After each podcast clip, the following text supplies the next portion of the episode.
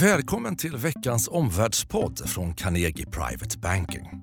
Omvärldsstrategerna Helena Haraldsson och Henrik von Sydow belyser tre händelser inom makro och politik som påverkar de finansiella marknaderna. Det är torsdag 6 december, klockan är 10.11. Det svänger rätt häftigt på de finansiella marknaderna just nu. Det är stor osäkerhet. Vi försöker reda ut eh, med tre analyser på 10 minuter om händelser och processer som driver marknaderna och formar makro. Idag ska vi prata just om volatiliteten på marknaderna, förvirringen efter G20-mötet och också då inför Brexit-omröstningen i Storbritannien nästa vecka. Välkommen! Helena, eh, marknaden slängs just nu mellan optimism ena dagen och pessimism den andra dagen. Vad är din bild av marknadsmiljön just nu? Ja, det är utan tvekan så att börserna är väldigt nervösa. Vi såg ju redan förra veckan på onsdagen efter Feds tal där man sänkte ränterisken betydligt att börsen steg 2% och så gick luften ur. Sen hade vi helgens G20-möte med temporär vapenvila. Investerarna blev lättade, börsen steg 1 och sen gick luften ur. Och häromdagen, ja då fick vi ett fall i USA på över 3 Småbolag ännu mer, ner 4,5% på en dag.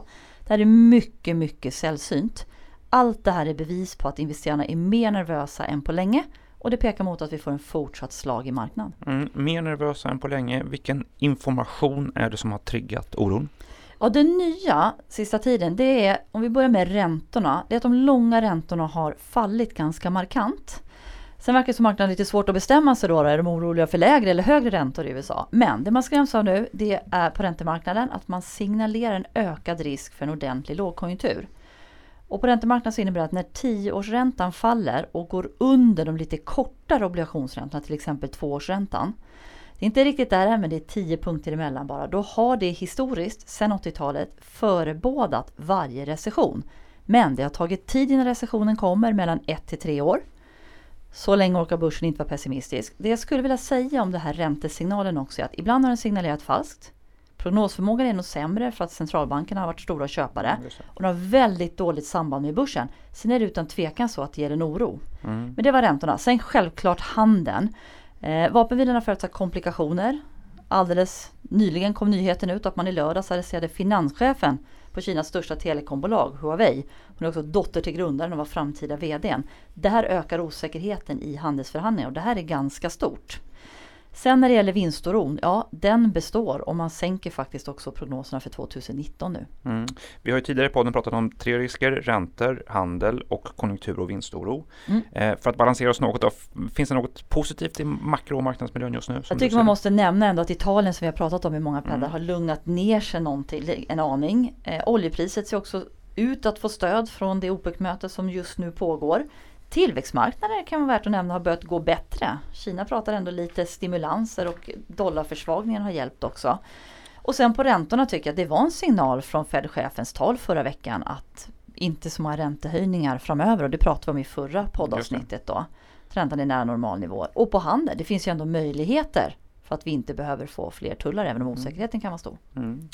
Det finns vissa ut, positiva utsikter där. Eh, på konjunkturen också ja, faktiskt. Det är med. Eh, ISM nära 60, klart över expansionsnivån. ISM är alltså?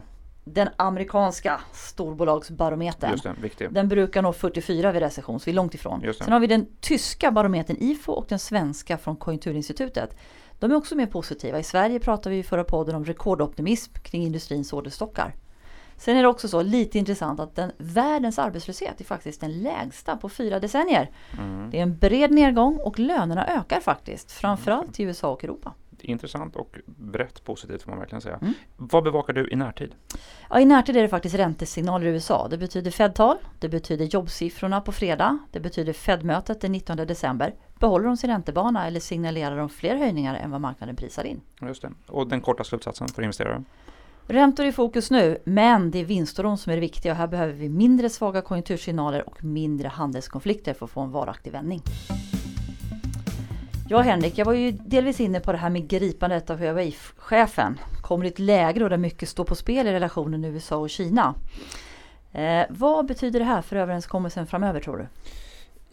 Ja, alltså den där frågan gör ju det kanske inte lättare. Det bidrar kanske inte positivt till eh, relationerna mellan eh, Kina och USA. Detta då också mot bakgrund av att vi har kommit ut ur G20-mötet med en stor förvirring eh, om vad USA och Kina faktiskt kom överens om. Trumps topprådgivare har svårt att förklara det som var då ett till stora delar muntligt avtal. Ehm, man pratar ofta om att köpa jordbruksprodukter från eh, Kina, sänka importtullar på bilar, sluta upp med kritiserade handelsmetoder. Eh, Många var överens om en 90 dagars lång vapenvila. Men det är viss oklarhet när den börjar. Det hävdas olika saker Är det från 1 januari 2019 eller från 1 december.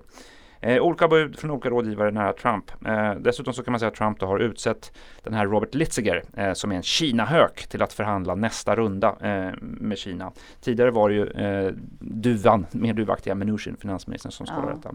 Så att det är nog säkert på amerikanska sidan faktiskt då, eh, om vad man egentligen mm. har kommit överens om. Då undrar man ju, vad säger kineserna? Se, se, se, kineserna säger egentligen väldigt lite, väldigt lite om detaljer i varje fall alltså. Eh, det är snarare rätt mycket så här bildsättning som vi pratade om att de här bilderna på Trump och Xi skulle vara viktiga. Man försöker ge eh, en bild av att eh, ordförande Xi sköter det här på bästa sätt. Han kan hantera Trump och så vidare. De ger en bild av att det här går ganska mm. bra mot sin befolkning och det är viktigt för dem för det finns då hävdar många en växande kritik i Kina om att handelskriget slår mot ekonomin och också då mot legitimiteten för den kinesiska ledningen, kommunistpartiets ledning, mm. som är känslig för vad allmänheten faktiskt tycker om handelskriget. Mm. Det låter ju som Trump och Xi i alla fall har ett gemensamt intresse av att det ska framstå ja. som att det här går att hitta en lösning. Det är precis detta som är en viktig slutsats tycker jag. Både, i, I det där kan de förenas, alltså så, så skapa bilden eh, av att, eh, att, att Eh, det här faktiskt går bra, att handelssamtalen går bra, samtidigt som tolkningarna är helt olika i Washington och Peking. Vi har sagt det tidigare också, man kanske inte ska ha för stora förväntningar på att man kommer överens i väldigt komplexa frågor om strukturella handelsrelationer och strukturen i den kinesiska ekonomin över en middag. Det måste vara mer gedigna processer, det måste vara mycket tuffare förhandlingar. Vi har använt uttrycket blod på mattan eh, snarare än, än, än leende eh, presidenter som mm. fotograferas med mat. Stor förvirring alltså. Vad ska investerare utgå från Henrik? Alltså det enda säkra resultatet från helgen är att den här handelskonflikten inte är över. Det kommer krävas mer arbete och förhandlingar än i 90 dagar för att lösa det som är väldigt många, väldigt breda och också väldigt djupa eh, tvister. USA och Kina går mot en strukturellt läge av strategisk rivalitet. Mm. Och den här arresteringen av Huawei-chefen, vad tror du det betyder för handelssamtalen framåt? Ja, det är en typ av åtgärder som kommer påverka atmosfären kring förhandlingarna. Det gör det så att säga, mindre sannolikt att de resulterar i hållbara lösningar, svårare att komma fram till mål också. Mm. Och för nordiska investerare, vad är nästa händelse att hålla koll på när det är amerikansk utrikespolitik? Ja, för nordiska investerare, kolla på frågan om amerikanska importtullar på bilar från Europa. Eh, det amerikanska handelsdepartementet har ju tagit fram ett färdigt förslag som Trump ensam kan fatta beslut om. Notera att vår handelskommissionär Cecilia Malmström hävdade ju exklusiv intervju då, eh, med en svensk tidning, Dagens Nyheter, förra veckan att det finns citat en tydlig risk att Trump fattar ett beslut om biltullar dagarna efter G20. Oh, håll i hatten om så blir fallet. Ja, den sista analysen Henrik. Nästa vecka har vi Lucia-veckan. Då går också Brexit-debatten mot sin kokpunkt med omröstning på tisdag den 11 december i parlamentet om utträdesavtalet. Eh, hur tror du att det går? Ja, det är idag sannolikt att Mays avtal kommer att röstas ner. Eh, vi har pratat om det här tidigare. Det såg ju tufft ut för henne från början när hon kom från EU-toppmötet. Sen har dynamiken i det här inte alls gagnat eh, Theresa May och hennes avtal. Eh, möten som hon har haft med då revoltörer i egna partiet har inte haft ett gynnsamt utfall. Eh, hon har blivit anklagad eh, av att ehm, eh, mörka juridiska konsekvenser av avtalet.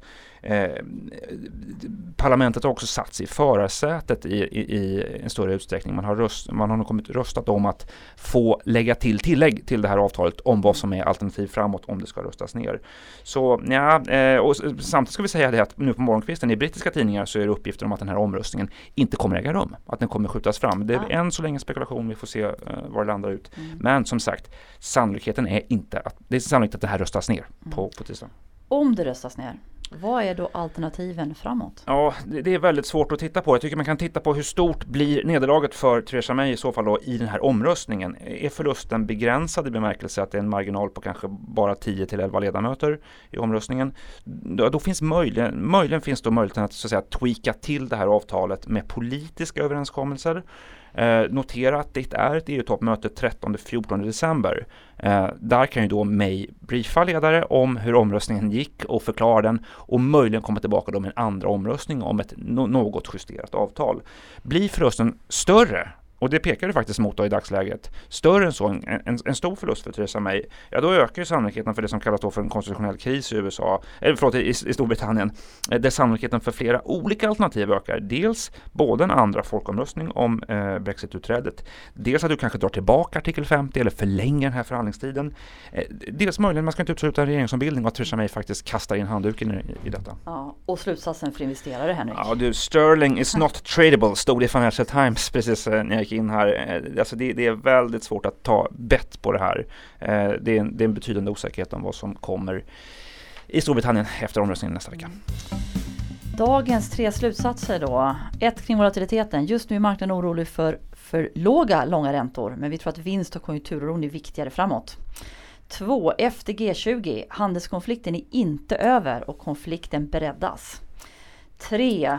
Kring Brexit. Sannolikheten om utträdesavtalet röstas ner, det tror vi. Men då kommer det råda stor osäkerhet om nästa steg. Henrik, du är snart på väg till Linköping för yes. att leda sensamtal på Carnegie efter börsen Precis. och affärsnätverka med entreprenörer och kunder på Storan. Kanske ses ni där? Väl mött. Tack för att du har lyssnat på Omvärldspodden från Carnegie Private Banking. Vill du veta mer om vad som händer i vår omvärld och få aktuella idéer till affärer? Gå in på www.carnegie.se veckans viktigaste och prenumerera på vårt nyhetsbrev.